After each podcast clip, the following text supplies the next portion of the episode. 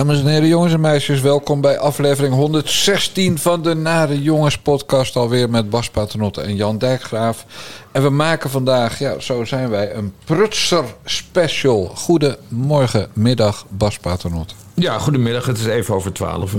Ja, en de kerkklokken zijn net gestopt met luiden in Utrecht. Ja, Wat een tyfusherrie, man. Ja, maar het duurt ook echt 10 minuten, mensen. Daarom, eh daarom we wilden eigenlijk iets eerder opnemen. Maar hier gaan dus de klokkenkaart bijeren. Maar dat duurde echt 10 minuten. Echt bizar. Misschien is de paus wel dood of zo. Dat zou kunnen. Nee, maar waarom zou ik eigenlijk de paus dood wensen? Wat maakt het uit? Het is alleen maar een pedoclub, verder eh, niks mis mee. Nee, maar omdat ze dan heel veel, heel veel luiden. Maar ja, dan had ik wel een persalarm gehad. Dus ik weet niet waarom het zo lang duurde. Het was... eh, Anyway, we hebben vandaag allemaal prutsers in de uitzending, beste mensen. Maar eerst even dit, Bas. Heb je de oproep van Wie Duk op Twitter gezien gisteren? eh, nee, is hij ruzie aan het maken met iemand? Nee, hij vroeg, ik neem aan voor een artikel in de Telegraaf... of er mensen waren die betaalden voor podcasts. En, eh, en zo ja, voor welke dan? Ja. En waren het, het nummer twee antwoord... Nummer één antwoord maakt niet uit wat het was... maar het nummer twee antwoord was... De Nare Jongens van Bas Paternotte en Jan Dijkgraaf. Ja, echt heel veel mensen betalen voor onze Ja, podcast. via petjeaf.com slash naar de jongens. En nu is natuurlijk de vraag, Bas. Gaat Wie Duk een stuk schrijven voor de Telegraaf... waarin hij de nummer 2 genoemde podcast van Nederland eh, aandacht geeft? Of staan we nog op de zwarte lijst bij de Telegraaf? En dan met name ik. Ik wist helemaal niet dat wij eh, een... eh, ging daar een telefoon af bij jou of bij Mevrouw mij? Dijkgraaf wordt gebeld, terwijl zij er niet is... maar haar telefoon komt binnen op haar computer. Ah. Ehm, ja, nee. eh, Sta, maar sta je op een zwarte lijst van de Telegraaf? dat wist ik Nou, niet. jouw billenmaat Wouter de Winter... Die Ja. heeft eens naast mij gezeten bij Goedemorgen Nederland van WNL. Ja, En als blikken konden doden, was ik die dag ontploft. maar waarom dan? Omdat eh, het AD toen de primeur had over de, het feit dat geen pijl ging meedoen aan de Tweede Kamerverkiezingen en niet de Telegraaf. Oké. En toen zat ik daarover bij eh, Goedemorgen Nederland en hij ook. Ja. Nou, echt. eh, ik was van één ding niet bang. En dat was dat ik door een homo besprongen zou worden. Ja. Want hij keek me echt helemaal dood, die teringleier. Maar hij had liever de primeur gehad. Ja, natuurlijk. En hij vond Ja. ook dat hij daar recht op had. En waarom vond hij dat hij daar recht op had? Omdat geen pijl voortkwam uit geen stijl. En dat was toen nog van de Telegraaf. Ja, dat was toen nog van de Telegraaf. Oké, oké. Ja, nee, ik ben verder hoor absoluut groot fan van Wouter ja, de Winter. Echt. Ja, ja. Over podcast gesproken. Hij maakt dus met Pim CD, hè, maken ze iedere vrijdag de podcast eh, afhameren. En die is dus eh, gratis.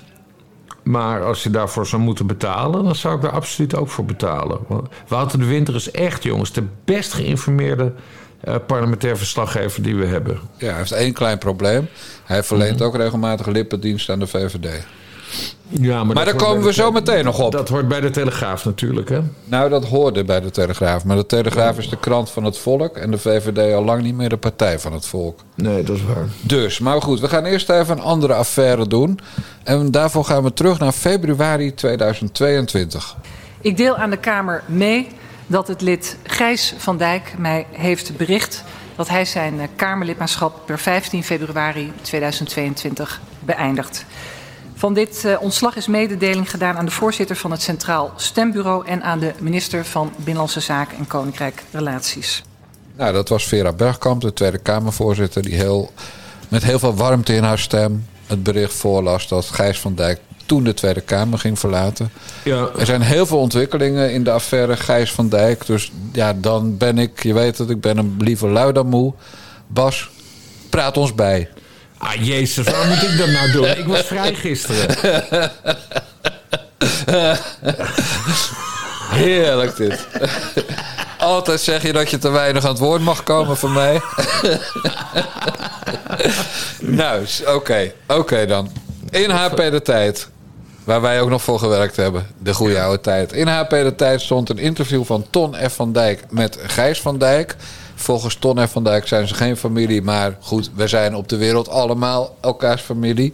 Maar in elk geval, Gijs van Dijk deed daar een aantal zeer opmerkelijke uitspraken in dat interview. Eh, en wat bij mij is blijven hangen, want je weet dat mijn geheugen niet zo goed is.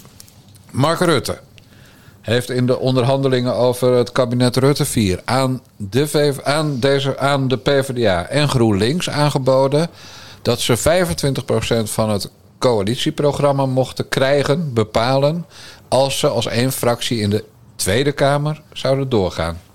Dat was een, eh, een zeer brisant nieuwtje, vond ik. Want zo gaat dat dus. Even percentages uit onderhandelen en dan komt er Ja. wat uit. Betekent ook dat de ChristenUnie, waar we het ook later nog over gaan hebben...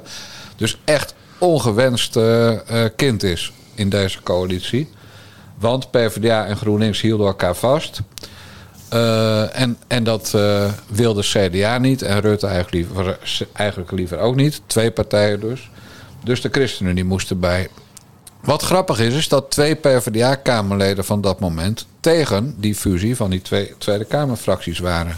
Ja. Eén daarvan, Kadisha Ariep, de Kamervoorzitter. Ja. En de ander, Gijs van Dijk.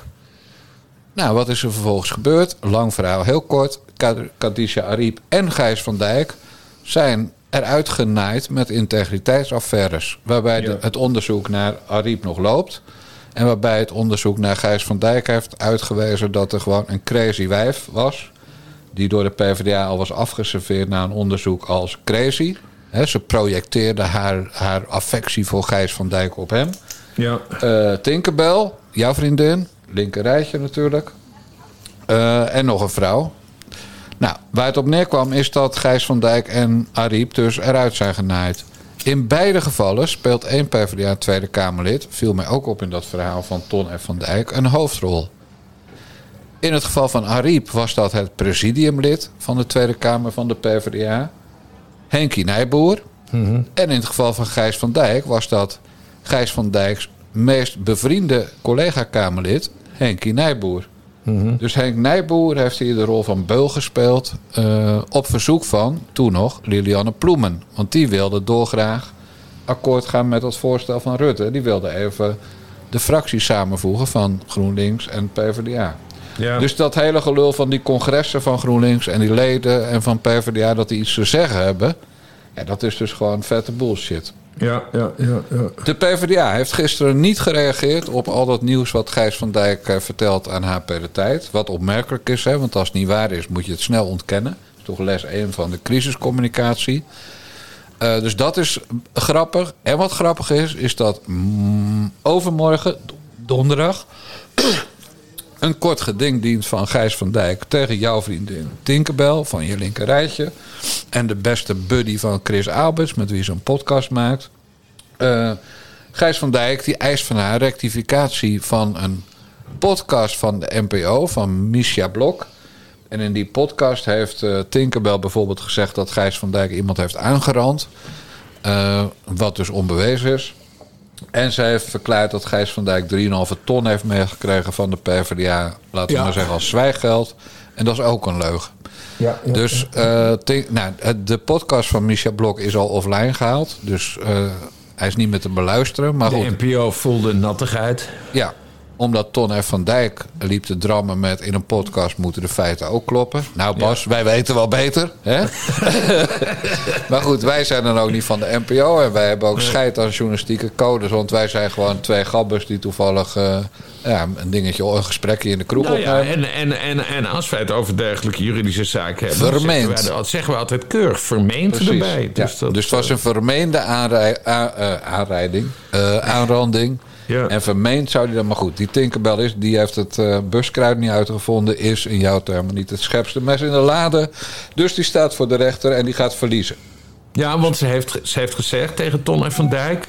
eh, ik heb er scheid aan en ze gaat dus niet naar, die, naar dat kort geding... wat donderdag Ja, plaatsvindt. ook heel dom natuurlijk om daar niet heen te gaan. Want Ja, dat heel betekent, dom, dat absoluut, betekent absoluut. dat ze... Maar goed, ook als ze wel gaat, zou ze ook veroordeeld worden. Ja. Want ze kan het gewoon niet bewijzen. En van dat geld is het helemaal niet waar dat hij 3,5 ton heeft gekregen. Er is 30.000 euro beschikbaar gesteld voor een eh, outplacement traject. Nou, daar is helemaal niks raars aan.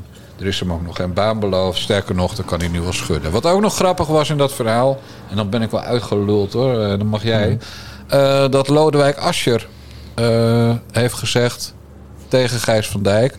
vermeend gezegd, hè, want het is een citaat van Gijs van Dijk... Ja, dat ze hem eruit aan het naaien waren. ja, ja, ja. Kortom, Lilianne Ploemen, zeer dubieuze rol. Eh Henkie Nijboer, zeer dubieuze rol. En nu is nog één hamvraag. En ik hoorde van, eh, van mijn bloedgabber Jan Roos... dat dat donderdag in die rechtszaak eh, wel bekend zou worden. Ik zou niet weten waarom. Maar er is nog een hamvraag. En dat is wat is de rol van de nieuwe fractievoorzitter van de PvdA, Adje Kuiken... Ja. Want vermeend zou Gijs van Dijk ook op Adje Kuiken hebben gelegen of zij op hem. Ja, nou, dat is dus inderdaad ook het verhaal. Dat, Nou, nu ben jij. Nou, dat Gijs van Dijk ook een relatie met Adje Kuiken heeft gehad. En dat zet een en ander wel in, eh, in een ander licht. eh, eh, omdat die hele onderzoekskwestie. Zij was op een gegeven moment ook al de nieuwe partijleider, fractievoorzitter. Eh, maar laten we bij het begin beginnen. Een paar dingen vielen mij op aan dit interview van Tom van Dijk. Wat absoluut een meesterjournalist is. Die gozer die weet altijd belachelijk veel boven water te krijgen. Eh, ik vond alleen één ding eh, ontbreken aan het interview. En dat was toch wel de wederhoor. Want hij heeft, hij heeft niet aan Lilianne Ploemen gevraagd hoe het zat. Maar belangrijker, die Gijs van Dijk... die beroept zich dus op allemaal uitspraken... wat je net zei, van Lodewijk Asscher. Ja. En daar is ook geen wederhoor gepleegd. En ja, ik vind dat toch een beetje onprettig dan. Helemaal, maar ja, daar ga ik mee in het frame van Tinkerbell. Hè. Zij stelt ook, ja, Gijs van Dijk is een notoir leugenaar. Eh, nou, om dat dan helemaal uit, uit, eh, eh, uit de mist te halen, dan zou ik, als ik Ton E. van Dijk was geweest, of zijn hoofdredacteur, zou ik toch hebben gezegd: Tom, maak er nog even een kadertje bij. Ik wil even een reactie van eh, Lodewijk Asscher. Ik wil een reactie van Ploemen. Lilianne Ploemen. En ik wil eigenlijk ook nog wel een reactie van de huidige fractievoorzitter, partijleider Adje Kuiken. Dat, dat, dat, dat heeft Van Dijk, Ton van Dijk, dus allemaal achterwege gelaten. Wat ik een beetje jammer vind. Ehm, wat mij ook opviel, is dat die Gijs van Dijk zichzelf wel heel groot maakt. Hè? Want hij zegt, ja, en ik heb tijdens de formatie tegen Lilianne Ploemen gezegd... eh, nee, we gaan dit niet zo doen, want dan ontploft de fractie. Dus ik heb de hele formatie geblokkeerd. Nou, eh, ik weet niet hoor, maar zo belangrijk was Gijs van Dijk ook weer niet. Dus ik, ik vind dat hij zichzelf daar wel opblaast. Eh, hij komt wel met, met ja, hoe heet dat, on- ontheffend eh, bewijs over zijn handelen. Want hij, hij kampt dus met paniekaanvallen. En hij schijnt autist te zijn, Ja. asperger te hebben.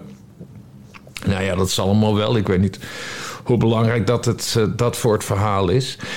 Wat ook interessant is natuurlijk wat hij over Lilianne Ploemen zegt. Hè? Dat het dus echt een opzetje is geweest van Lilianne Ploemen. En dat is een, theorie die ik niet bij voorbaat afwijs, omdat Lilianne Ploemen in het verleden wel eens vaker een collega-Kamerlid genaaid heeft. En dan moeten we even terug naar 2018. Dat was namelijk het PvdA-Kamerlid William Moorlach. Is Herinner mij, je eh, dat nog? Nee, totaal niet. Vertel. William eh, Moorlach, die was eh, Kamerlid. Dus, dus dit is nog onder Lodewijk Asscher. Hè, die is dan fractievoorzitter. En William Moorlach is Kamerlid. En die had in het verleden had hij een soort consultancybureautje. Iets in de, in, in de arbeidsmarkt. Ik weet niet eens meer precies wat. En daar zou hij toen eh, ongeoorloofd geld mee hebben verdiend. Wat eigenlijk niet mocht. Dit en dat, bladibladibla. Nou, die hele kwestie is onderzocht door de PvdA. Dus weer een PvdA-onderzoek, let wel. En hij is vrijgesproken in die kwestie. Maar, eh, en, en toen ook weer teruggekeerd in de Kamer. Hè, want hij is toen even weg geweest en dan is hij gewoon teruggekomen... en heeft zijn termijn uitgezeten. Maar er was iemand in diezelfde PvdA-fractie... die hem zwart heeft gemaakt. En dat was namelijk Lilianne Ploemen. Ja. Want wat heeft Lilianne Ploemen gedaan? Dat nieuws kwam naar buiten dat er iets aan de hand was met William Moorlach. Toen heeft Lilian Ploemen een appje gestuurd naar de fractievoorzitter, Lodewijk Asscher. En in dat appje stond: eh, Lodewijk, we, we kunnen die, William, kunnen we niet handhaven binnen de fractie. Die moet eruit. Maar wat had ze gedaan? Had dat bericht aan Lodewijk, had ze in haar WhatsApp. Eh, bij mij staat er dan, als je naar mijn WhatsApp gaat, dan staat er iets van: ik ben stukjes aan het tikken. Ja, Ja, weet je wat ik bedoel? ja, profiel, van WhatsApp, ja. Precies. En wat had zij gedaan? Die boodschap aan Lodewijk Asscher had zij in haar profiel gezet. Zogenaamd per ongeluk. Zogenaamd per ongeluk. Ja. Maar wat gebeurt er? Er komt dus naar buiten. Er is iets aan de hand met een Kamerlid van de Partij van de Arbeid, William Moorlach. Nou, een beetje journalist, wat gaat hij dan doen? Die gaat al zijn contacten Ja, bij tuurlijk. de PvdA-fractie appen. Wat is er aan de hand? Dus dan pak je je telefoon, dan ga je naar, eh, je, je, Ploemen. je, naar Ploemen. En wat zie je dan als eerste staan? Lodewijk, hij moet eruit. Hij moet eruit. Ja, Nou ja, en dat, dat, is, dat, dat is een bewustzijn hoor. Dat kan niet anders. zeer doortrapt. Zeer doortrapt. Dus, ik, dus ik geloof best wel dat die Lilianne Ploemen... eh, op een hele, hele nare manier kan opereren binnen die fractie. En daarom geloof ik ook wel dat zij tegen hem heeft... tegen, tegen Gijs van Dijk dus heeft gezegd... ja, eh, we willen dat je terugtreedt, eh, opstapt... En, eh, en dat ze hem dan niet extra informatie heeft gegeven... Hè, wat hij dus allemaal beweert in Ja. het interview. Dus dat hij hè, vanaf dag één kon hij zich eigenlijk niet verweren. Helemaal omdat hij gewoon letterlijk aan het begin niet eens wist waar het over ging. Nou, daar zie Lilianne Ploemen wel voor aan dat zij zo opereert. Met als bewijs dat ze het zo dus met die William Morlag heeft gedaan in 2018. Ja. En ondertussen zit Lilianne Ploemen in de moestuintje gewoon lekker wachtgeld te trekken. Eh, ja, ik weet niet. eh, heb ze nog geen baantje Nee. voor haar? Nee. Oké. En ze stinkt. Stinkt ze? Ja, letterlijk. Goor ruikt ze. Hoe, hoe weet je dat? Ja, van iemand die bij haar op de sportschool zit. Oh. Zij stinkt al voor ze begint met sporten. Hele vieze. dus die, andere- ik dacht, die koekoek van Volt, die stinkt. Ja, hele vieze, vieze zweetlucht schijnt ze te hebben. En Ploemen stinkt. Ja, maar ze is de dochter van de melkboer, toch? Dat is het verhaal. Dus ja, maar die het melk is wel weg hoor. Verschaalde melk of zo. Ik weet niet hoe het komt, maar goed. Kijk, gelijk, gelijk dat we nu weer naar de kern van de zaak gaan. Ja, Lilianne voilà. Ploemen stinkt. Nou ja, het zaakje stinkt en Lilianne Ploemen stinkt. Ik zie wel een overeenkomst. Nee, dat is waar. Dat is Als waar. iemand stinkt, weet je dus dat het zaakje waarin ze betrokken zijn meestal ook stinkt. Ja, Maar goed, ja. ik ben helemaal team, Thijs, team Gijs van Dijk hoor. Ja, ik, Want ik, heb ben- een foto van die, van die eh, Tinkerbell opgezocht. Mhm. En, en kijk, Gijs van Dijk claimt eigenlijk dat hij geestelijk niet helemaal 100 was in die periode. Ja. Eh, hij was maar een kwart van eh, op zijn capaciteit. En eh, een soort burn-out. En dat werd dan weer door de PvdA in twijfel getrokken. Maar ik geloof wel dat hij geestelijk helemaal van het padje was. Want hij... Ik heb dus een foto van die Tinkerbell opgezocht. En ik las in dat HP de tijdverhaal... dat hij drie keer met Tinkerbell seks heeft gehad. Gijs van Dijk. Overdag. Nou, als jij overdag, dus met het licht, eh, als het gewoon licht is. Als je dan op Tinkerbell gaat liggen, Bas Paternotte. Nou, dan ben je echt rijp voor een kliniek hoor. Ja, dat weet ik niet. Ik, eh, zo denk ik niet over vrouwen. En eh, ik, heb, ik ben al jarenlang bij mijn eigen vrouw. Dus ik zou niet... Ik kan me Al was Tinkerbell de laatste. Ik, ik kan me daar niks bij voorstellen, uiteraard. Nee, maar... ehm, eh, nee, ik, ik, ik, zie, ik zie vooral eh, alleen maar verliezers hier.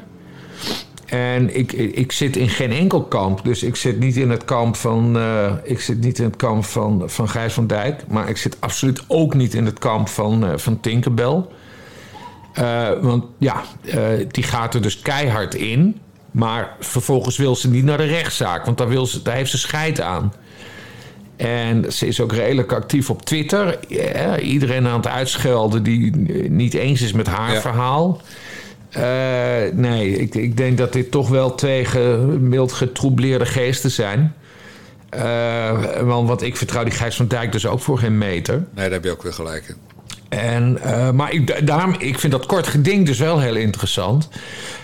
Want eh, ja, laat het dan maar aan de rechter over. Nee, dan moet hij er maar- maar wat van zeggen. Maar dan gaat de rechter weer zeggen... ja, ik wil me hier eigenlijk niet in mengen. En misschien moeten alle partijen maar... eh, Hoe heet het? Met, met een... eh, hoe heet dat nou? Dat ze met elkaar moeten gaan praten? Ja, een, een mediation of een mediator. Dat er een mediator Nee, maar dat gaat de rechter niet doen, want het is een kort geding. Ja. En, en het is ook geen bodemprocedure waard. De rechter gaat gewoon zeggen: mevrouw, hoe heet ze ook alweer? Pietersen? Katinka? Katinka Sim- Simons. Simon, mevrouw Simonsen. Kunt u bewijzen dat de heer Van Dijk iemand heeft aangerand? En dat kan Ja. ze niet.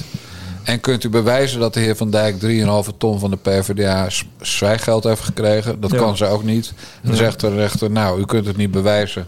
Dus u moet die uitspraak rectificeren en Van Dijk ze aanvoeren. NPO heeft niet voor niks die podcast offline gehaald... waarin ze dat allemaal beweert. Eh, dus de NPO twijfelt zelf ook aan het waarheidsgehalte van wat ze in die podcast bij Micha Blok Wat ik heeft wel laf vind, hè, dat je zo'n podcast dan weghaalt. Je kan hem toch laten staan en kun je desnoods een disclaimer erbij zetten. Exact. Maar gewoon voor de integriteit van het archief moet je dat gewoon laten staan. En dat is de schuld van Ton F. van Dijk, die, die echt helemaal koekwous ging op Mich- Micha Blok. Ja, Over Micha dus- Blok gesproken. Ja. Ja, die zou jou toch uitnodigen? Nee, die hebben, die hebben gevraagd of ik in dat programma wil, maar daar heb ik nog steeds niet op gereageerd. Waarom niet? Ja, omdat ze dat, dat nemen ze s'nachts op. Ja, En het is dan live. Moet, dan moet ik s'nachts naar, de, naar Hilversum. Met een taxi. Ja, maar ik, ik trek dat niet, want ik, ik, ik, ik, ik, dan, Je- ik lig normaal. Ik ga om tien uur naar bed, Dijkgraaf. Je doorgaans. kan dan toch reclame maken voor ons. En dan gaan mensen toch naar petjeaf.com slash naar de jongens. En dan Ja. krijgen wij toch meer centjes. En dan kunnen wij toch beginnen met onze 9 over 5 podcast op donderdagochtend. Ja, ja. Om 9 over 5. Ja, nou, ik moet er nog over nadenken. Want het- Het is een, Bas, het is, het is nu de vakantiegeldperiode. Heb ik al extra tweets van jou gezien met eh, beste mensen melden, betalen. 40 euro per Oh ja, jaar. dit is, dit, dat zei je tegen mij, ja. Dit is wel belangrijk. Dit moeten we ook even herhalen in de betaalde podcast eh, trouwens. Dat, dat iedereen, even iedereen gaat aansporen van... hé, hey, vakantiegeld is er. Koop er een, koop er een eh, lekkere cocktail van en, en ga iets leuks doen. En dok eventjes, koop even een petje voor de nare jongens. Bij welke URL kunnen ze dat doen, Bas Paternotte?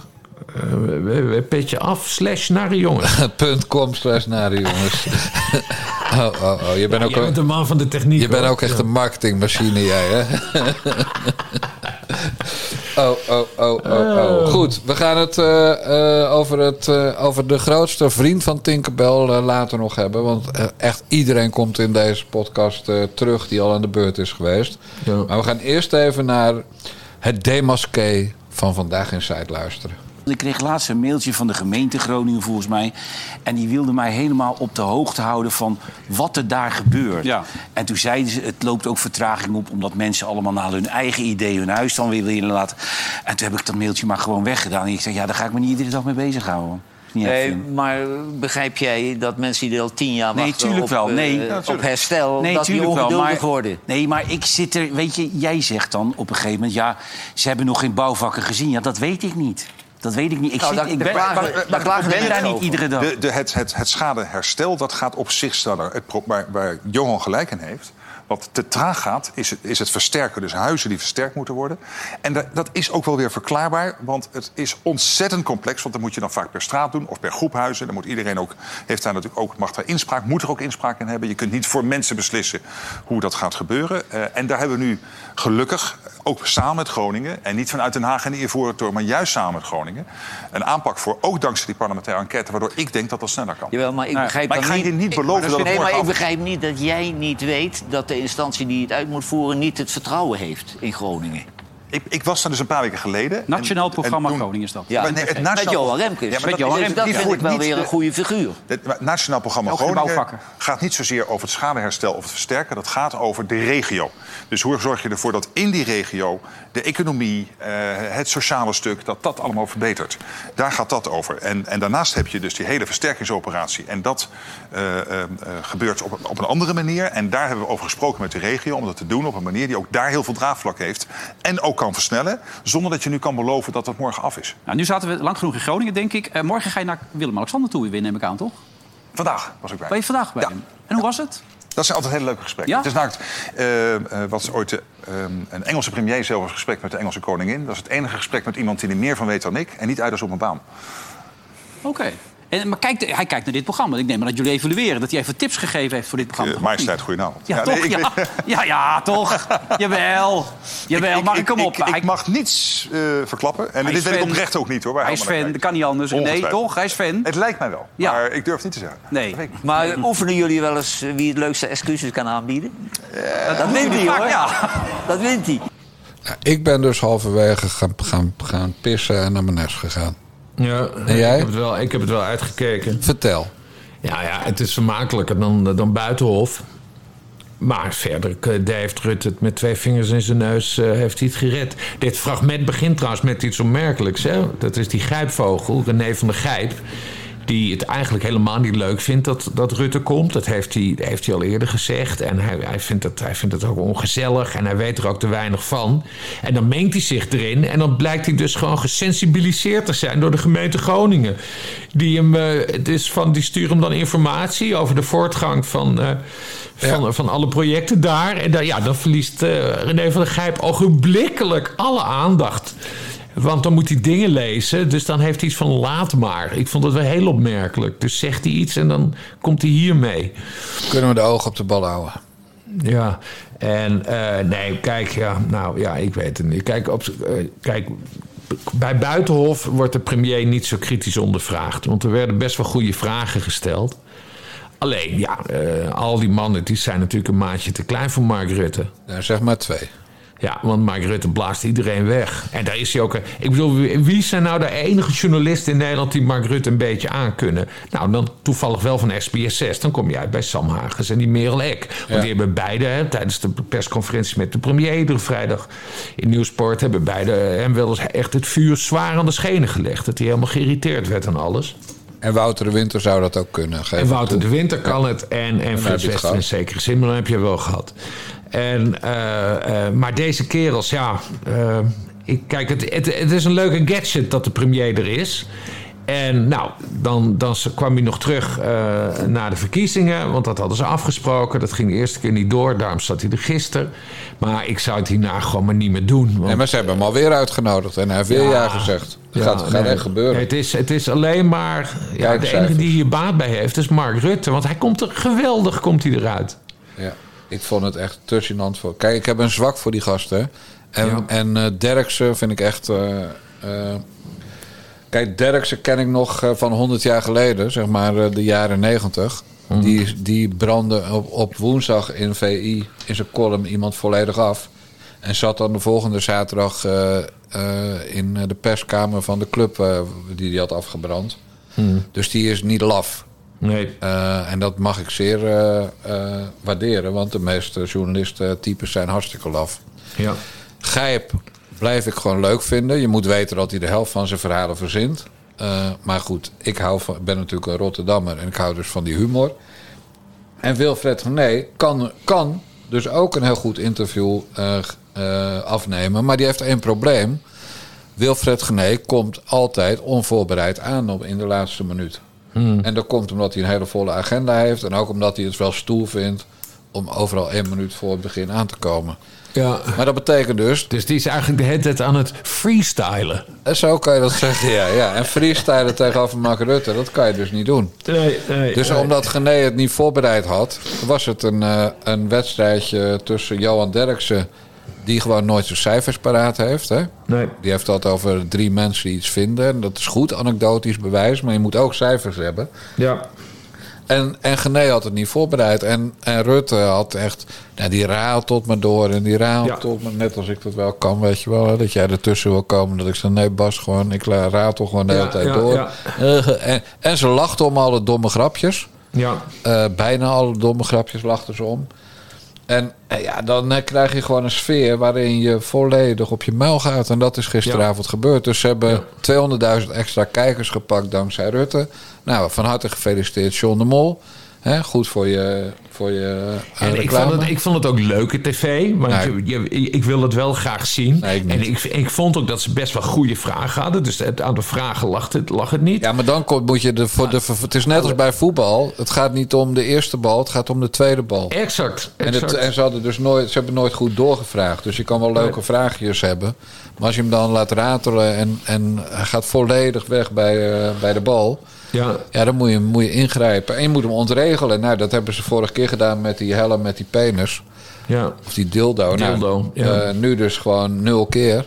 Ja. En, en zelfs Gerard Joling, die, eh, die deed niet eens een poging om hem te ontregelen. Nee, kijk, want een goede wingback, hè, die zou het kunnen oplossen. Exact. En een Dun- Denzel Dumfries. Precies, Ja. dus dan moet je, dan moet je zo'n Sam Hagens daar neerzetten. Maar dat weten we van de vorige keer. Dat mag niet. Dat mag niet, want dan zegt Team Rutte... nou, dan kom ik niet als, je, als je Sam Hagens daar neerzet. En daarom was het gewoon een flut-uitzending. En, Ja, en, en dus iedereen die het heeft afgekeken... die is gewoon een uur van zijn leven ontnomen.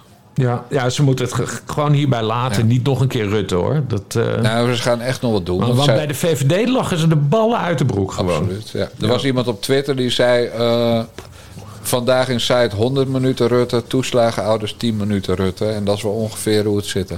Ja, ja, ja. De prioriteiten van Rutte zijn ook niet in orde. Maar dan komt dat alles draait om beeldvorming bij die, bij die engnek. Ja, ja, ja, ja. Nou, verder eh, is de ploeg van Vandaag in Site zijn vaste tafelgast aan het wegjagen. We hadden natuurlijk al eh, uitgebreid gehad over de affaire met Marcel van Roosmalen. ja. En Gijs Gunterman, die Gijs Gunter wil meer genoemd te worden. Nou, eh, Van Roosmalen heeft heel hard teruggeslagen dat het allemaal verzonnen was en gelul en, en noem maar op. Ja, van- ik heb dat gehoord in zijn podcast weer. Dat, dat, eh, hij had er wel wat over gezegd. Maar dat was dus niet deze week of afgelopen week. Nee, dat was in februari. Ja. Dus ze hebben iets opgediept uit februari. Om, en want ik zei, hè, dat, dat zei ik zondag in de podcast. Hè, dat ze hem overduidelijk aan het ontgroenen waren. Eh, hè, omdat hij een groenteboer eh, dus binnenkort eh, op hun slot een maand lang tv gaan maken met een talkshow Bij SBS. bij SBS. Dus dat hij even ontgroend moest worden. Maar daarom, nu blijkt dus dat, dat, dat, dat, dat die opmerking over groenteboer... dat die dus helemaal uit februari komt. Nee, Ja, dat Bas, dat blijkt niet. Dat zegt Marcel van Roosmalen. Jij trapt Ja. er weer in. Dus dat is vermeend uit februari. Ja, Want Marcel van. Roosmalen kennen we als een notoire leugenaar en een dief. Vanwege de Sudorans en wat hij in zijn ja, studententijd nou, ja, omgejat ik geloof van Roos. Ja, want die staat in je linkerrij. Want die staat in mijn linkerrij. Ik geloof Gené en, en eh, Van der Gijp. Dus wij hebben nu een padstelling. En als jij zo doorgaat, dan kap ik met die kutpodcast met jou. Ja, daar ben ik gewoon helemaal klaar mee. Maar Altijd wie, maar... die nog- maar wie zijn ze nog meer aan het wegjagen? Want je had Nee, maar nee, niet, eh, niet van, weer de ogen van de bal. Ik hou ze op de bal. Je hebt godverdomme een, een, jij hebt, jij hebt een schrift... wat aan de linkerkant 40 centimeter breed en 1,20 meter hoog is. En aan de rechterkant 1 centimeter breed en 3 centimeter hoog. En rechts staan dan de mensen aan wie je een hekel hebt. En in links staan al je vrienden. En die moeten allemaal gespaard blijven in deze podcast. En daar ben ik gewoon helemaal klaar mee. Straks ga je nog zeggen dat Chris Albert zo'n leuke kerel is. Hè, krijgen we dat weer? Oh, geweldig. Oké. Nee, maar reageer hier eens op. Want, want jij maakt het mij onmogelijk om iets onaardigs te zeggen op deze manier. Nee, maar je mag van mij gewoon... Staat in, het staat, in het, staat in het linker rijtje. maar je, maar je, mag, je mag van mij allemaal... Ja, maar dan ga je daarna weer zeggen... Nou ja, maar ik vind het toch lief. Marcel, Marcel van Roosma, toch een leuke jongen. Jong, Eh, toch jong? Een leuke jongen. En Aaf reist, eh, dan zeg ik bijvoorbeeld... Aaf Brand die reist gewoon zwart in het openbaar vervoer. Hmm. En dan zeg ik, dat ben je godverdomme gewoon ook een dief, hè? Dus dat is de, de, de, de vrouw, laat ik maar zeggen, van eh Gijs Groenteman. Ja. Dus Marcel van Roosmalen heeft in tegenwoordigheid van zijn vriendin Eva Hoeken Suderans gejat. Gijs Groenteman is gewoon een lul. En de vrouw van die lul, Aafbrand Kostjes, is een notoire zwartrijder. Dus een dief van de maatschappij. Want als Aafbrand Kostjes niet gratis zou reizen, konden de ticketprijzen omlaag. Hè, waarom is het openbaar vervoer zo duur in Nederland? Aafbrand Kostjes. En Aafbrand Kostjes is weer de zus van die engnek, die Gijs van Dam, niet te verwarren met Gijs van Dijk, Ja. beschuldigde van eh, verkrachting. Toen hij ook weer even wilde meeliften op de MeToo-affaire. Ik weet niet of je dat nog weet. Ja, ja, ja. Dus het is gewoon één grote vieze inteelbende van dieven, van fraudeurs, van mensen die valse aangifte doen, van mensen die, die plekgelek hebben, Marcel. Maar hoezo... En allemaal in jouw linker rijtje. Nee, helemaal niet. Want eh, hoezo zit, zit zij zwart in het openbaar vervoer? Ja, dat heeft ze in de podcast gezegd. Nee, in op één heeft ze dat gezegd. Oh. Zwart Waarom reizen vinden dat dan? Amsterdammers gewoon helemaal normaal. Stelletje randenbielen. Dat vind ik belachelijk. Nee, maar goed, nee, maar die Gijs Groenteman, dat, dat, dat, dat, dat, vind, ik, dat vind ik een hele nare vet met zijn zijge- zijge stemmetje. Die staat helemaal niet in mijn Ja, linkerrijtje. tot jou weer die- en die- belt. En die Aafbrand Korstius, die staat ook helemaal niet in mijn linkerrijtje. Oh, die rechts? Nu, helemaal nu ik weet dat zij zwart rijdt. Want als ik ergens een hekel aan heb, zijn het wel mensen die zwart rijden. Dus nee, die staan helemaal niet in mijn linkerrij. Ik zeg alleen, Marcel van Roosmalen vind ik een aardige vent. Ja, maar die heeft. De rest is allemaal wormvormig aanhangsel bij hem. Hij kan heel veel, hè? namelijk goede reportages maken. Doet Ja. hij helaas nooit meer, maar dat kan hij heel goed. Verder heeft hij een trucje. Beetje zaggerijnige oude blanke man, eh, oude blanke heteroman uithangen. Ja. Eh, nou, leuk trucje, maar inmiddels kennen we dat wel. En Maar omdat hij één keer tegen jou hoi Bas hebt gezegd... staat hij in je linker rijtje voor de rest van zijn leven. Het is een dief. Ja, oké, maar je, eh, daar gaat het mij niet om. Het gaat er mij om dat je suggereert dat ik fan ben van die Gijs Groenteman. Maar dat is helemaal niet zo. Kijk, Gijs Groenteman is als de maan, hè. Je ziet hem alleen omdat de zonnestralen van Marcel van Roosmalen op hem, eh, op hem afstralen. En hem uitlichten. Mooi gezegd, Bas. Mooi gezegd. Nee, maar zonder, zonder, Mars, zonder, zonder Marcel van Roosmalen is Gijs Groenteboer helemaal niemand.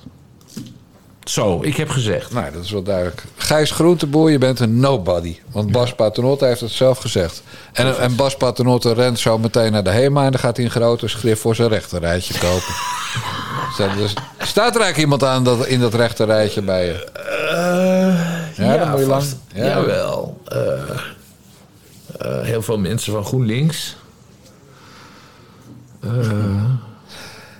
Jij, eh, We, we zullen een keer een special maken over mijn rechterrijtje. Daar moet ik even ja, goed over nadenken. dat is een ultra korte uitzending. Als we echt allebei geen tijd hebben, doen we jouw rechterrijtje. Ja. Ja, dan doen we eerst dit. Weet je wel, dat is een start. Dan Bas even over je rechterrijtje. Dan zeg jij, eh, en dan doen we dit. De mazzel. Ja, doei doei. Zo gaat het dan. En dan, Oh, man, en dan zeg jij, nou, toch weer drie podcasts gemaakt deze week.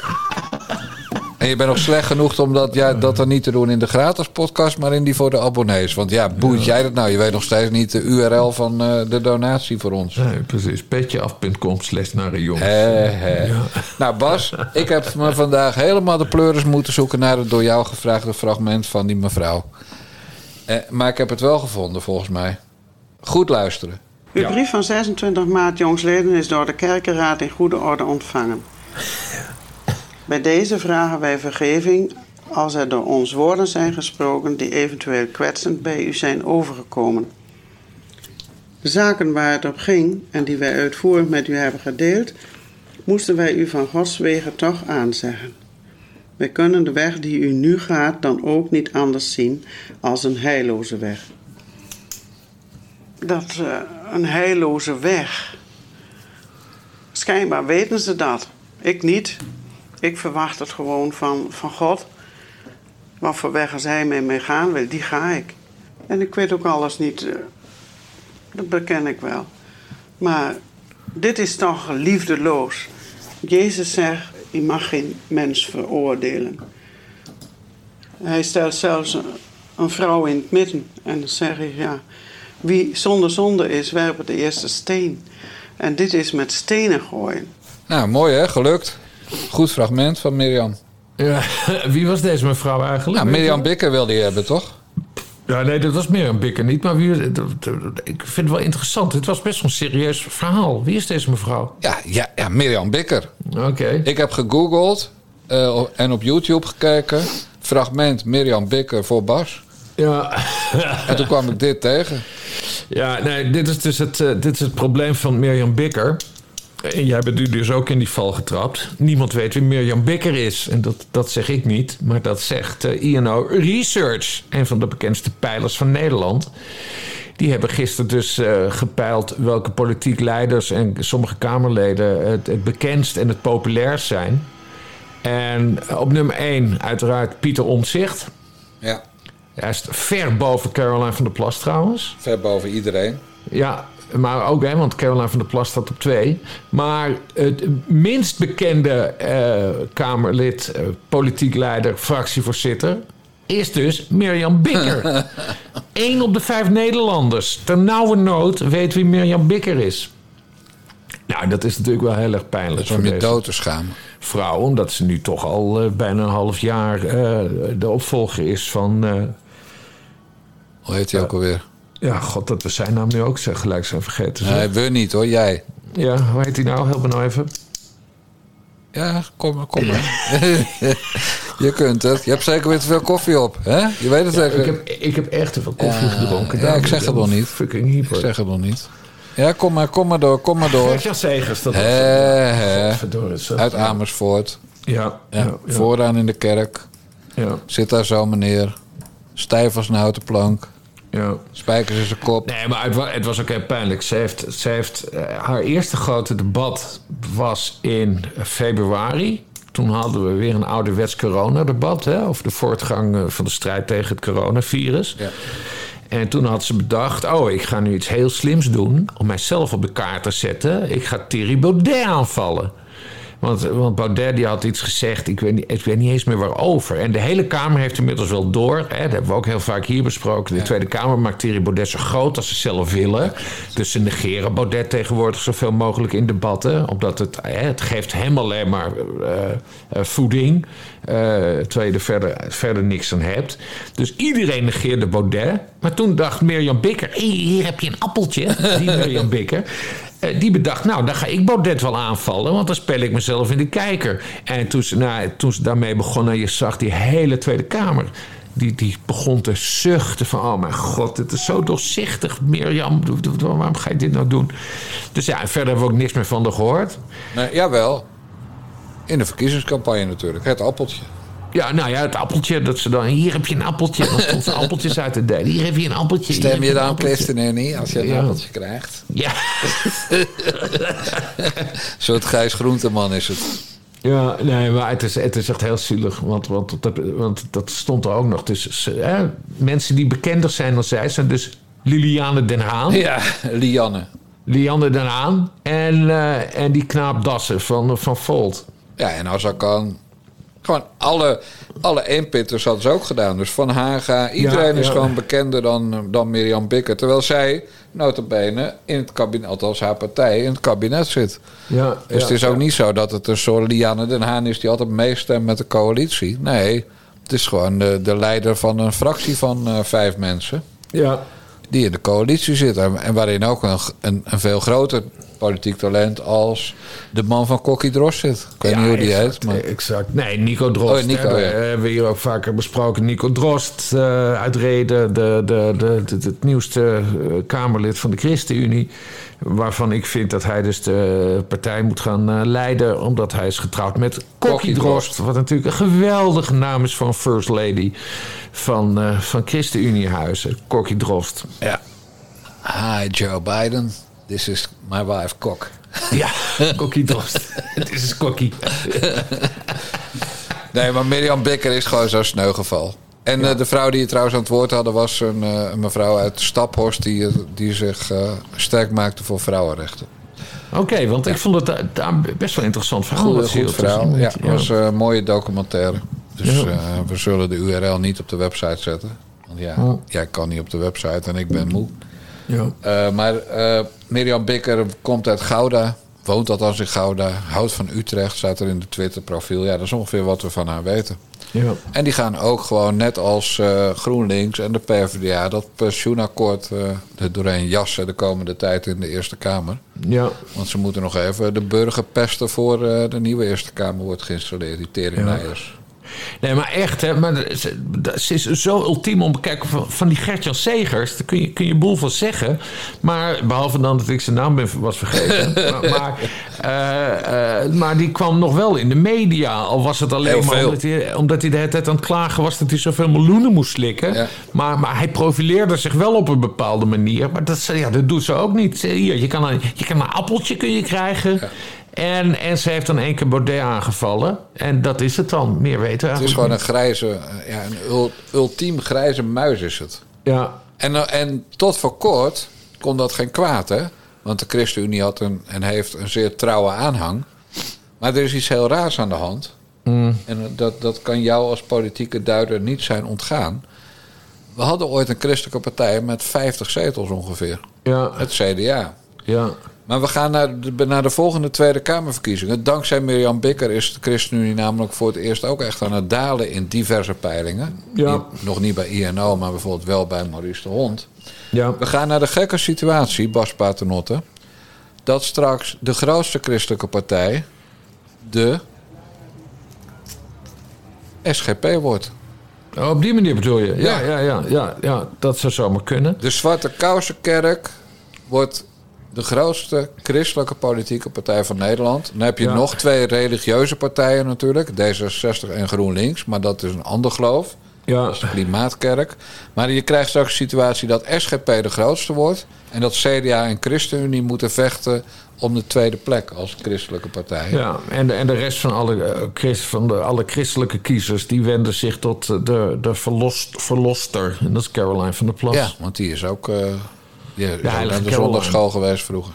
Ja, Dus die ja, weet er ja. ook alles. Ik trouwens ook. Hè. Ik had ook catechisatie één uur in de week. Maar goed, Ja. ik heb geen ambities meer. Hé, jij trouwens? Nee, maar kijk, de, de, de, de, de, de, ChristenUnie, kijk, ja. Ik, ik, ik heb de toegevoegde waarde ook nooit gezien. Hè? Dus het is, een, het, het, is, het is dus een lichtere versie van de SGP, zeg en de maar. zwaardere van het CDA. Zwaardere van het CDA. Maar ja, ze zijn eigenlijk altijd alleen maar om, om kabinetten aan de meerderheid te helpen. Ja.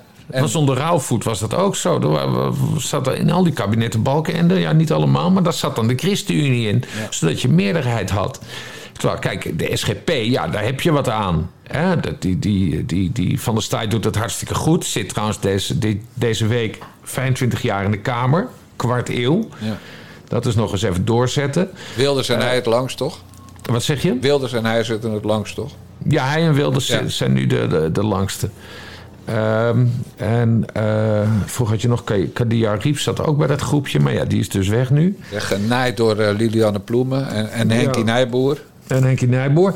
Maar, eh, dus ja, wat, wat heb je nou aan de, aan de, aan de ChristenUnie? Dus ja, ze moeten wat doen. Ik, ik kan me niet voorstellen dat je, dat, ze, dat je met deze vrouw de verkiezingen in wilt. Dus nee, ze moeten gewoon Nico Drost naar voren schuiven. En dan... eh, of gewoon de hele tent opheffen, dat kan toch ook? Wat, wat, wat, het, het is, ja, ik weet het niet. Dat Ja, kan toch gewoon bij sowieso, het hè. CDA? Dat kan toch gewoon bij het CDA? Nou ja, dat maar- is toch geen enkel probleem? Maar laten we nou gewoon eerlijk zijn. Eh, je, je bent eh, twee. Je moeder gaat je voorlezen van Sneeuwwitje en de Zeven Dwergen. Ja. En dan ga jij 40 jaar later, ben je volwassen, ben je 42. En dan ga je Mhm. de politiek in. En dan, dan ga je de mensen waarschuwen voor, voor eh, Sneeuwwitje en de Zeven Dwergen. Of de boze wolf uit eh Assenpoester. Of weet ik waar, waar dat uit... eh Hans en Mhm. Grietje. Hans en Mhm. Grietje. Het zijn allemaal sprookjes. Daar ga je toch niet je beleid op baseren. Dus laten we gewoon de christelijke politiek ver- ja, verbieden. Ja. Verbieden. Lijkt me Nou, heel goed. verbieden, dat weet ik niet. Maar... Nou, we gaan het zo verbieden hebben, Bas. Maar ik probeer Ja, weer een het is een bruggetje. bruggetje ik probeer, mij. Ja, ik probeer Ja. een bruggetje. Ik ben die Mirjam Bikker wel zat. Want ja, we- we weten niks van haar. Ze kan niks. Het wordt Nee. niks. Dus het is, Mirjam Bikker is gewoon exit. Ja, hier, hier Mirjam, hier een appeltje. Appeltje en op zouten. Ja, appeltje en opzouten.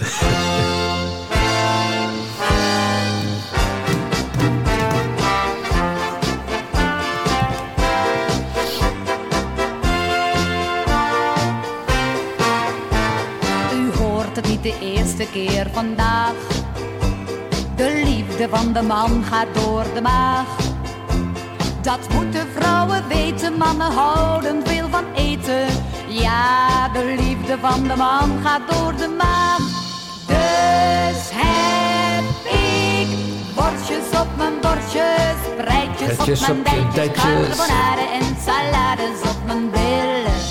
Ja, worstjes op mijn bordjes, op mijn knietjes en op mijn hoofd een haantje uit de grill. Ja, ik heb worstjes op mijn borstjes, breidjes op mijn dijtjes, carbonade en salades op mijn bil. Ja, worstjes op mijn borstjes, bietjes op mijn knietjes en op mijn hoofd een haantje uit de Ria Valk. Ja, zoals jij, prachtig. zoals jij gisteren hebt kunnen zien, eh, ken ik Ria Valk persoonlijk. Ja, samen met Blijboom sta je op de foto. Toen jij de in, grote interviewserie maakte met eh, bekende Nederlanders. De heren van Pano. Toen gingen, wij, Pano, gingen ja. wij vrouwen uit onze jeugd, eh idool, idoolvrouwen uit onze jeugd eh, interviewen. Ja, Ik heb geloof ik ooit wel eens uitgelegd waarom we die rubriek bedacht hadden. Blijboom en ik maar. hadden allebei belangst. ja. En, en we hielden vooral niet van op de knietjes. Althans niet eh, op de knietjes voor eh, eh, of, je, of iemand misschien wilde meewerken aan een interview. Dus wij bedachten, ja, welke types in Nederland zijn nou juist blij als ze weer in Panorama komen. en toen dachten we, ja, vergane glorie moet je hebben. Dus wij hadden een lijst gemaakt van vergane glorie. Er zat trouwens ook Patty Brat in, die nog steeds leeft. En heel actief is en goed is bij shownieuws. Eh, maar goed, we hadden dus een lijst. En eh, ja, al die vrouwen die waren natuurlijk eh, rond de 60. eh, en, en stonden amper nog in de publiciteit. Ja. Dus als we dan mailden met beste Imca Marina, we willen graag naar het eiland, Ameland of Vlieland, ik dacht Vlieland komen om u te interviewen. Nou, dan stond de deur wagenwijd open. Ja. En Ria Valk, die woonde in Zandvoort met, als ik het goed heb, de neef van André Hazes. Niet zijn die Niet de, Joop, niet de broer Joop over wie we het zondag in de Basje en Jan moskee hebben gehad. Ja. Eh, dus toen zijn we ook bij Ria Valk geweest. En eh, daar werden hele mooie foto's bij gemaakt door Paul Tolenaar. En telkens als zo'n zo'n naam voorbij komt ergens op internet... dan duikt Michiel Blijboom weer in zijn archief... en dan zet hij binnen, binnen een minuut een foto op Twitter. die foto neer. Ja. Dus zo hebben we ooit in een heel chic reclamebureau... aan een van de Amsterdamse grachten... de hele houten vloer verziekt. Dat was namelijk een interview met eh, eh, Monique Sluiter. Zegt die naam je nog iets? ja, ja, zeker. Nou, die, die zat toen in de zweefhandel. Dus toen hadden we eh, in een reclamebureau een heel mooie kantoorruimte om te fotograferen gekregen. En toen besloten we dat er allemaal vaccinelichtjes om haar heen moesten staan. Honderden. Ja. Maar goed, dat zit in zo'n zo'n zo'n, ja, aluminium kuipje of zo. Zaten ja, die. ja. Eh, dat mag denk ik nu niet meer. Maar daar zaten ze in. Dus wij steken al die krengen aan. Maar die kuipjes werden natuurlijk warm. Ja. En die vloer was gelakt. Dus je zag echt een paar honderd rondjes van ja, gesmolten lak op die vloer. dus ze hadden denk ik gewoon voor 10.000 euro schade aangericht daar... om één foto te maken met Monique Sluiter in kleermakers zit. Ja. En eh, zoals je ziet, kan zien op die foto's rookte ik ook nog. Want ik rookte bijna overal. Ja. En het Leni het Hart zijn we bij die, die kutzeehondjes geweest. En eh, Penny de Jager hadden we nog een scoop. Ik weet niet meer Ja. wat, maar we hadden een scoop. Ten de jager van Van het dansballet. Ja. Ja, dus dat was allemaal hartstikke leuk. Maar, eh, Sylvia de Leur was eh, schilderes geworden. En die had dan een opening van expositie. En wie dook er daarop? De heren van Pano. Het was eigenlijk een soort nare jongens, maar dan positief. Ja, en, en nog heren toen. Ja, dat, dat kon je kopen. Hè? Dat heette smoking. Ja, Ja, dat was nog het allerleukst. Goed, je weet hoe Blijbaum is. Die corrigeert toch elke fout en ook dingen die ik vergeet. Het allerleukst was dat we hadden toen een, eh, iemand op de redactie, Carolien van der Kooi, die deed shoppingproducties. En die shopte toen voor ons een, eh, een smoking. Nou, dat was natuurlijk top. Maar dan moesten bij smoking natuurlijk zwarte schoenen. En toen kwam zij aan, want dat was een adverteerder volgens mij bij eh, toen nog VNU, tegenwoordig Sanoma of DPG. Kwam ze aan met eh, zwarte schoenen van Wolkie. En dan moet je maar even googlen als we straks klaar zijn. Maar Wolkie is dus ongeveer eh, het meest lullige bejaardenmerk van schoenen. En onder de smoking horen natuurlijk puntige, glimmende schoenen. Ja, en dit waren gewoon schoenen zeg maar, waar eh, de controleur in, eh, van de GVB-tram... die Aafbrand Kostius gaat arresteren binnenkort. Waar Ja. die oploopt, weet je wel. Eh, Ja. Heel goed voor je voeten, maar het ziet er absoluut niet uit... en al helemaal niet onder de smoking. Dus dat, ja, we, stonden wel een beetje voor lul met die schoenen... maar aan de andere kant, ja, past ook wel bij ons natuurlijk. Ja, Leuk, hè? ja, mooie boeit jou. anekdote, prachtig hoor. Maar goed, waarom Ria Valk? Nou, dat zal nee, ik... wacht nou even. Oh. Nee, ik zat nog even te denken van... Want ik heb dat ook een keer meegemaakt. Maar dat was met de verkiezingen van 2006. Toen heb ik een, eh, een hele... Hebben we alle lijsttrekkers geïnterviewd. Ernst Marks en ik voor Pano. En toen werden we gesponsord door CNA. Dus toen had ik een heel slecht zittend CNA-pak aan eh, bij alle lijsttrekkers. Dat vond ik echt heel vervelend. Maar toen zag je dat het minder ging met de journalistiek. Want vroeger, eh, met die barterdeals en zo... dan had je vast wel boskleding kunnen krijgen. Maar nu kwamen we niet verder van... nou, CNA, we wil jullie wel sponsoren. Ja, als Metro, hè, waar we ook allebei gewerkt hebben... en een redactie uitje had... dan ging dat, was er gewoon drie dagen Griekenland of twee dagen Turkije. En er werd dan gebarterd met een eh, reisadverteerder. Ja. Ja, dat, dat, dat is eh, top. Maar goed, Metro deed natuurlijk hartstikke goed. Ja. Maar nee, je hebt gelijk. En je weet ook wie vier jaar geleden, die, vier jaar daarvoor die interviewseries maakte met eh, lijsttrekkers hè, voor de Tweede Kamerverkiezing van 2002. Dat zou je ook nooit vergeten. Nee, dat waren jij en Niek, ja. Ja, en Ja, toen, ben ja, ik, ja. toen ben ik vertrokken bij dat blad. En toen, eh, ja, toen hebben ze daar een, nieuwe ploeg mensen gegeven. Een Ernst Marx en nog iemand. Ja, Bas Paternotte. Oh ja, ja, precies. ja. Zo komen we elkaar altijd weer tegen. Ja, Maar goed, Niek en ik hadden toen- heb jij hem ook binnengehaald bij Panorama. Niek liep stage bij Pano, toen Ja. nog Haarlem. Ja, En toen zei Niek tegen jou, want jij was toen chef daar of zo. En toen zei Niek tegen jou van ja, ik ken nog een gozer, Bas Paternotte. Misschien kan die een keer iets doen. En toen heb ik iets over het Koninklijke Huis geschreven. En, en, en, en toen, sindsdien kreeg ik klussen bij Pano. En dat ging via jou. Maar ik was dat niet bij Leo Meijer? Nee, nee, nee, was absoluut jij. Oké, nou graag gedaan Bas. Hè? Want daarvoor lag je toch wel een beetje in de goot. Je was aan je tiende jaar schooljournalistiek bezig. Je zat altijd bij eh, die kroeg van de schooljournalistiek in die tijd. Ja. Het was Ja, nee, dit was eind jaren negentig. Ja, je was op weg naar de goot. Ja, nee, het is toch gewoon zo. En toen heeft, eh heeft Niek Stolker jou gered. En Niek Stolker die heeft je nu weer gered. Want je Ja. bent sinds kort medewerker van het blad waar Niek Stolker hoofdredacteur is. Ja, Playboy. Playboy. Ja, ja, en jij mag ja. alle lekkere wijven interviewen, heb ik begrepen. Ja, Die had je ook weer als eerste. Gelijk op de cover, hè? was mijn eerste verhaal. Van de Plas. Goed, waarom Ria Valk? Nou, Nou. we hebben het nu gelijk over Caroline van der Plas. Eh, Ja. eh, want... Het is wel eh, bruggetjesdag vandaag hoor. Ja, het is echt bruggetjesdag. Nee, Tim Hofman, die had getweet. Tim Hofman, weer Tim Hofman. Die echt ontzettend actief aan tweet is de afgelopen tijd. Die, die was boos, want de boer-burgerbeweging had iets getweet over Extension Rebellion. Die waren weer, zijn aan het demonstreren. Dat doen ze de hele week. Dat eindigt dan in Den Haag weer op de A12. En, en eh, met een fotootje dat ze in een weiland zitten te lunchen. En dan schrijft de BBB op Twitter... met polyester rugzak, plastic broodtrommel... protesteren tegen de fossiele industrie. Het kan. En dan zegt eh, Tim Hofman, bijna niemand weet het... maar je mag alleen lid worden van BBB... als je zweert dat je een slavink als rugzak... en een broodtrammel van gehakt zal gebruiken. Ha, ha, ha, ha, ha. Waarop Caroline van der Plas tweet... die echt overal op reageert. Hebben we al een keer over gehad, moet ze eigenlijk niet doen. Maar goed, nee hoor. Worstjes op je borstjes, prijtjes op je dijtjes... bietje op je knietjes... carbonella en salade op je bil. Mag ook, wij zijn de kwaadste niet. Smiley. Ja, wat gewoon een goede reactie is. Precies. Dat, Want is betekent dus dat de- ze haar klassiekers kent. Precies. Wie het niet zijn klassiekers kent, was Frans. Alberts. Oh, Chris Albers. Ik wou zeggen haar Frans ging Wijsglas. die, die Caroline van der Plas weer ging retweeten. Van, eh, eh, ja, moet het nou allemaal zo ordinair? Waarop ik, eh, oh, daar had ik eigenlijk nog kuch bij moeten zetten. Wa- Waarop ik weer tweette naar Chris van Jezus Christus. Want hij wist gewoon niet dat het Ria Valk Nee. was, dat weet ik zeker. Zeg, Chris, eh, Ria Valk, dat is gewoon cultureel erfgoed. Dat zullen we nou krijgen. Dat, eh kuch. Verdomme, ik had er kuch bij moeten zetten. Ja, sukkel. Ja. Ja. Het kuchmannetje heet hij, hè? In een bepaald boek wat ik eh, een tijdje geleden gelezen heb. Welk boek? Social media, wel de lusten, niet de lasten. Oh, van Jan Dijkgraaf, toch? Toevallig, ja. daar, daar staat een hoofdstuk in over het kuchmannetje. Ja. En het- het hashtag kuchmannetje officieel. Ja, ja, ja. Ja, dat is de eerste keer dat er een boek over hem is. Nou ja, kijk, ik ben, ik ben eh, staat- eh, absoluut in mijn linker rijtje. Want ik heb ontzettend veel eh, met hem samengewerkt. En ik mag hem heel erg graag. Ik vind hem ontzettend goed.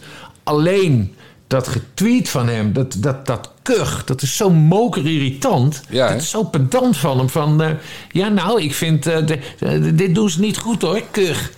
Ja, zo, dat biedt erop met je kuch. Ik vind wel dat je dit moet nadoen met, een, met meer de Chris stem. Dan, dan wordt het sterker. Dus doe maar even overnieuw.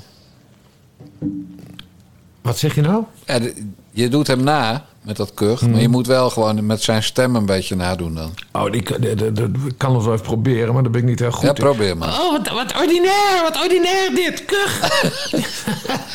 nee, Nee. ik ben dat niet... Nee, dat is moeten oefenen. Wat ordinair! nee, dat is hem ook niet. Nee. Nee, dit is weer meer Dylan jezelf. Rot op, rot op, rot op! oh, dit wordt echt een insiders dingetje hoor, zo langzamerhand. Oh, nee, We moeten het wat ja. breder trekken. Ja. Eh, maar goed, Van der Plas die, eh, die pareerde dat heel goed. En, Ja. en, en het was weer het bewijs dat Timmetje Hofman... eh, eh, ja, gewoon een beetje helemaal aan het doordraaien is. Bij die Extinction Rebellion lui... die kunnen namelijk op zijn bord schijten. Dan zegt hij nog lekker eten. Ja. Maar heel veel BBB-aanhangers gingen natuurlijk weer los op Tim Hofman. En toen zei Tim Hofman na die reactie die je net van Van der Plas hebt voorgelezen... Ja, de chef kan beter omgaan met een grapje dan een deel van haar achterban in ieder geval. Kortom, eh, ja, dat is dus de klassieke jijbak. Hij gaat eigenlijk eh, in de fout door een beetje te zeiken. En dan wordt hij aangevallen, wat volkomen begrijpelijk is. En dan, oh ja, maar die stomme boeren die, eh, die hebben minder humor dan Caroline. Nee, nee, maar in dit geval heeft hij wel gelijk. Jawel, maar dat En hoeven we toch niet te geven? Ja, Linker ja, rijtje, nee, Tim nee, Hofman. ik, ben daar, ik ben daar veel genuanceerder in, dus ik geef, ik geef hem nog wel gelijk. Eh, kijk, eh, Caroline van der Plas doet dat hartstikke goed. Hè? Ik vind, eh, dat zei ik net, hè? ik vind dat ze niet overal op hoeft te reageren. Maar als ze het doet, dan doet ze het in principe wel leuk en grappig. Maar ja, dan heb je van die hardcore fans die echt helemaal losgaan. En ja, nee, daar heeft hij helemaal gelijk in. Die, die lui die moeten gewoon beter opgevoed worden. Hé hey Bas, ik wil het nog even hebben over eh, Fransie Wijsklas. Ja. Oud-Kamervoorzitter van de VVD. En Lianne den Haan. Ja. Dus die, die zetelrover van 50 plus. Maar voor ik dat doe, wil ik van jou even weten of ze in het linker rijtje staan. Want dan laat ik het gewoon zitten voor vandaag. Ik ben er wel klaar mee. Eh, Frans Wijsglas staat absoluut in mijn Nou, dus linkerrijtje. dan vergeet ik die. Dan, dan... En, en, en Lianne den Haan, nou, dat is iemand die in mijn rechterrijtje staat. Dat moet ik gelijk even opschrijven. Lianne. Nou, doe mijn LDH, want anders is je, is je blaadje vol. Blaadje vol, kut. Even naar beneden, nieuw blaadje halen. Eh, nee, Lianne den Haan, vreselijke vrouw. nou, wat doet die vreselijke vrouw? Eh, oh, nog een naam, even checken. Sander Schimmelpenning, linker rijtje. Eh, nee, Sander Schimmelpenning hebben we, het, hebben we het vaak over gehad. In principe linker rijtje. Hè? Wij zijn nog, zitten nog steeds in het bestuur van de... Nou, Sander- ik niet, hoor. Schimmelpenning fanclub, jawel. Want ik heb jou nog steeds niet uitgeschreven bij de KVK.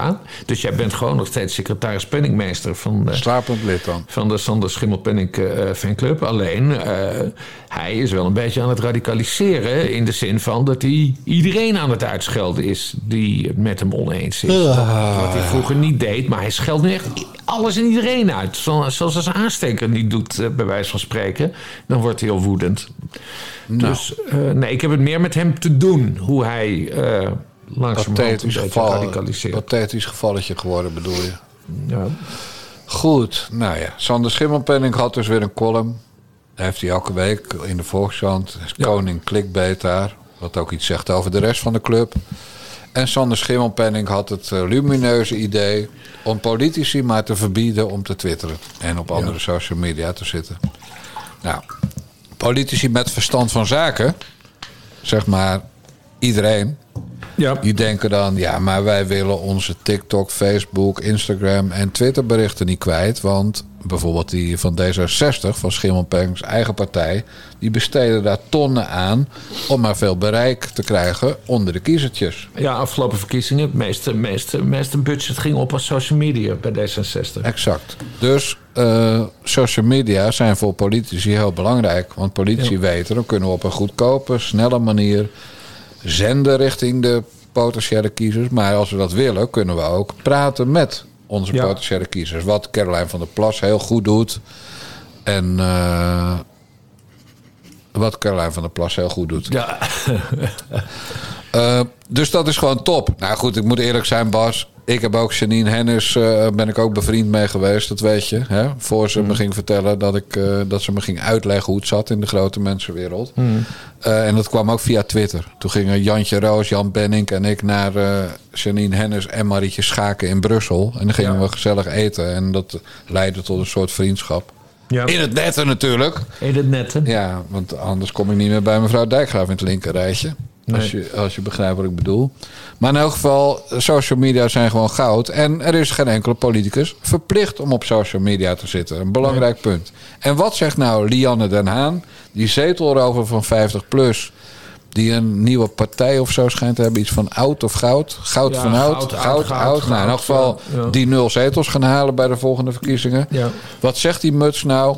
Social media voor politici moeten verbo- verboden worden. Ja. Ander, Aldus Sander Schimmelpenning. En dan zegt ze, ik ben voor. Nou ja, dus op zij- Twitter. Ja. Dus zij zegt op Twitter ook, op Twitter, ja. eh, social media moeten verboden worden voor politici. Ja, ja. Dan, dan heb je dus gewoon een gaatje. Ik, ja, ik kan er wel geschelden, maar daar heb ik helemaal geen zin in. Want dat, dat mensen mijn adem eigenlijk niet waard. Ja. Maar dan ben je dus gewoon gestoord. Want, want stel je voor dat iemand zou schrijven in een column... eh, de Nederlandse dagbladen moeten verboden worden. Ja. Zou er dan één politicus zijn die niet van de PVV is, die zegt nou goed idee. En die Ja, PVV ja. zou het dan als grap, als grap zeggen. Dus ze wil gewoon dat een beroepsgroep een publicatieverbod op social media krijgt. Ja, dan ben je gewoon knetter, knetter, knetter Ja. gek. Ja. Nee, maar het, het is echt heel, heel vreemd van haar. En, en Schimmelpenninck en zijn column, hè, hij hekelt dus ook al die geknipte filmpjes. Nou, daar is nog wel wat voor te zeggen. Omdat heel veel politieke partijen eh, dan met geknipte filmpjes uit de band Allemaal. komen. Eh, allemaal. Eh, ehm, eh, maar, dat is het interessante. Liliane Den Haan, die is daar dus op tegen. Hè? Die wil dus dan ook niet van die filmpjes zien. Maar wie is met die hele filmpjes toestand begonnen? Dat is niet Forum voor Democratie. Hè, want Schimmelpenning die zegt van ja, dat komt allemaal van dom rechts. Die zijn daarmee begonnen. Nee, Denk is begonnen eh, met het eh, weaponizen, met het, eh, het knippen van filmpjes. om ze vervolgens als wapen te gaan gebruiken. Want ze hebben toen ongeveer alle Turkse Kamerleden aangevallen. om- omdat ze niet streng genoeg in de leer waren volgens hun. Met filmpjes. Hè, dat hebben ze met Dylan uh, Jesiklos gedaan. Dat hebben ze met eh, die knakker van GroenLinks gedaan. Hoe heet die? Die er nu inmiddels alweer eh, weg is. Ja, weet ik veel. Ja. Eh, eh, wie echt is begonnen met dit soort filmpjes. Eh, om onrust te veroorzaken. Dat is Denk. Die zijn er echt mee begonnen. En ga jij nu, En- Bas, en- even, ik, moet je even, want- ik moet je waarschuwen, Bas. Ik moet je waarschuwen. Er, er kan, eh, het, het kan zijn dat de OM meeluistert. Ja. En ik wil niet dat jij nu in de val gaat lopen. Dat je nu gaat zeggen dat omdat die Lianne Den Haag gek is op Turkse mannen. dat het daarom een dom eh, voorstel van haar is. Dus hou dit uit de, uit de slaapkamersfeer verder, Ja, nee, de rest van je vraag. absoluut niet zeggen. Ga door, ga door. voor- dat zijn voorkeur heeft voor Turkse mannen. En met name dat zijn eh, een vermeende voorkeur zou hebben, kunnen eventueel hebben voor Turk-Cypriotische mannen. Nee, dat, daar ga ik me absoluut niet aan Nee, gelukkig. Soort opmerkingen. Ga door. Wat, wat ik wel zeg, is dat als je zo'n grote mond hebt van Sander Schimmel-Penning heeft gelijk. Ja, dan moet je wel afvragen waarom je zo. Want dat doet ze dus. Ze werkt intensief, intensief samen met de fractie van Denk. En dat was mijn hele punt. Terwijl Denk dus de partij is die is begonnen met het weaponizen, met het filmpjes, politieke filmpjes eh, monteren, manipuleren. eh, om er eh, politieke wapens van te maken en dat in te zetten tegen andere politici. Dat is denken geweest en dat is niet Forum voor Democratie zoals Schimmelpenning suggereert. Ja, het is ook gewoon ontzettend dom blondje actie van Lianne Den Haan. Omdat als Toenaan Kuzu vanmiddag één keer op de zendknop drukt... Hè, op het partijbureau van Denkt, Denk... En, en gewoon naar alle Turkse, Turkse mannen in Nederland een bericht stuurt... handen af van Lianne Den Haan voortaan... ja, dan staat ze gewoon droog.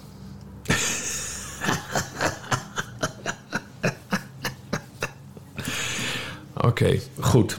Nou, Bas, voor mij zijn we klaar. Dit begon met Ria Valk. Nou, die lusten er ook wel pap van. Oh, ja, ze heeft in Playboy gestaan, hè? Dat eh, was, Ongetwijfeld. Ja, Al die vrouwen die wij toen geïnterviewd hebben, hebben volgens mij in Playboy gestaan. Ja. Eh, behalve Imca Marina. Ja, dat is misschien maar beter ook. En die anekdote over het play van Imca Marina heb ik al honderd keer verteld. Dus die ga ik niet voor, 100, voor de honderd en eerste keer vertellen. Dus, Wat eh, is die dan? Nou, dat Blijboom en ik dus naar dat eiland gingen. Een van Ja. die Waddeneilanden. Ja. En, en als je mensen echt wil leren kennen, moet je altijd even naar de play gaan. Hè? Ja. Ik bedoel, dat, dat ze de woonkamer even stof, stof gezogen, gestofzuigd hebben, dat geloof ik wel. Ja. Maar je moet altijd even kijken of de play schoon is. Dat is, Ja. eh, dat is les 1 in de journalistiek. Ja. Altijd even naar de play. Ja, ja. Nou, en Blijboom deed dat en ik ook. En, en ik vond hem al raar kijken toen hij was geweest. Eh, maar dat, ik snapte wel waarom. Want toen ik ging, zag ik wat, waarom hij een beetje in zichzelf zat te lachen de hele tijd. Die play was dus een kwartslag gedraaid. Oh? Want anders kon ze. Anders hing de reet eroverheen, zeg maar. Oh, godverdamme. En sindsdien kan ik Imca Marina.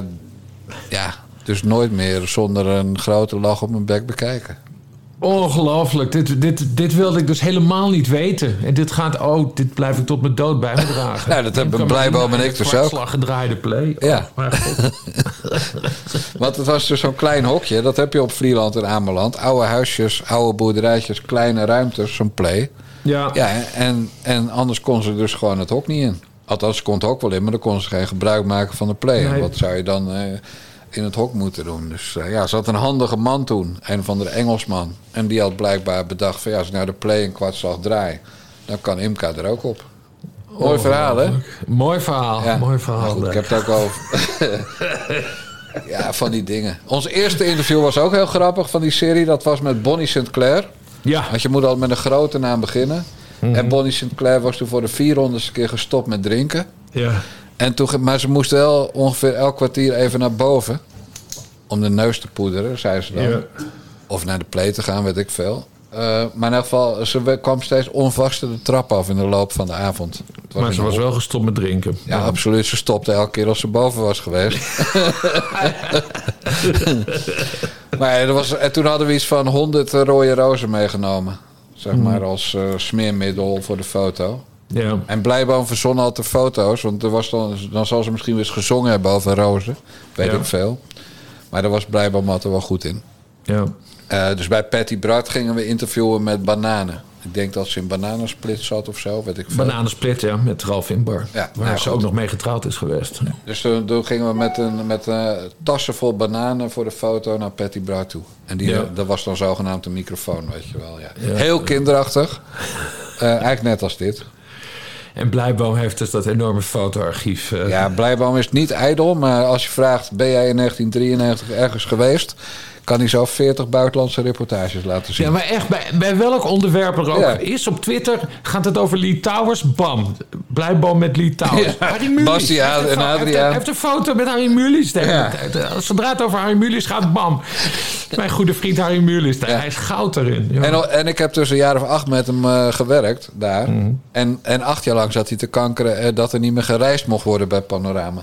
Mhm. Maar overal, op de hele wereld, was Blijboom eh, geweest namens Panorama. ja. Hij was alleen niet zo goed in het regelen van dingen. Nee. Oei. nee, het is geen echte prater. Dat is het gekke. Ook een ding, eh, ja. Ja, ja. ja. Bij interviews niet handig. Nee. Nee, Maar wel een briljant schrijver. En eh, as we speak zit hij de laatste pagina's van mijn boek te corrigeren. Want ik huur hem altijd in als corrector. Ja. Daar is hij gewoon de beste in. Maar ik vind wel dat hij traag is. Dus ik hoop dat hij dit niet luistert. Nee. Want dan heeft hij zich weer laten afleiden door de Nare Jongens podcast. En Ja. het moet af. Het moet naar de drukker, dat boek. Ja, en precies. Precies. Hé hey Bas. Volgens mij gaan we er een eind aan breien. Tegen de mensen die luisteren zou ik willen zeggen... wil je ook de Bellen met Bassie podcast... en de Ecumenische Kerkdienst uit de Basje en Jan Moskee ontvangen... abonneer je dan eindelijk eens een keer via petjeaf.com slash jongens. Dit was de 116e aflevering alweer van onze Nare Jongens podcast... die ook voor mensen die het niet kunnen betalen of willen betalen te beluisteren is. En tegen Bas Paternotte zeg ik... Bas, de mazzel. Doei doei.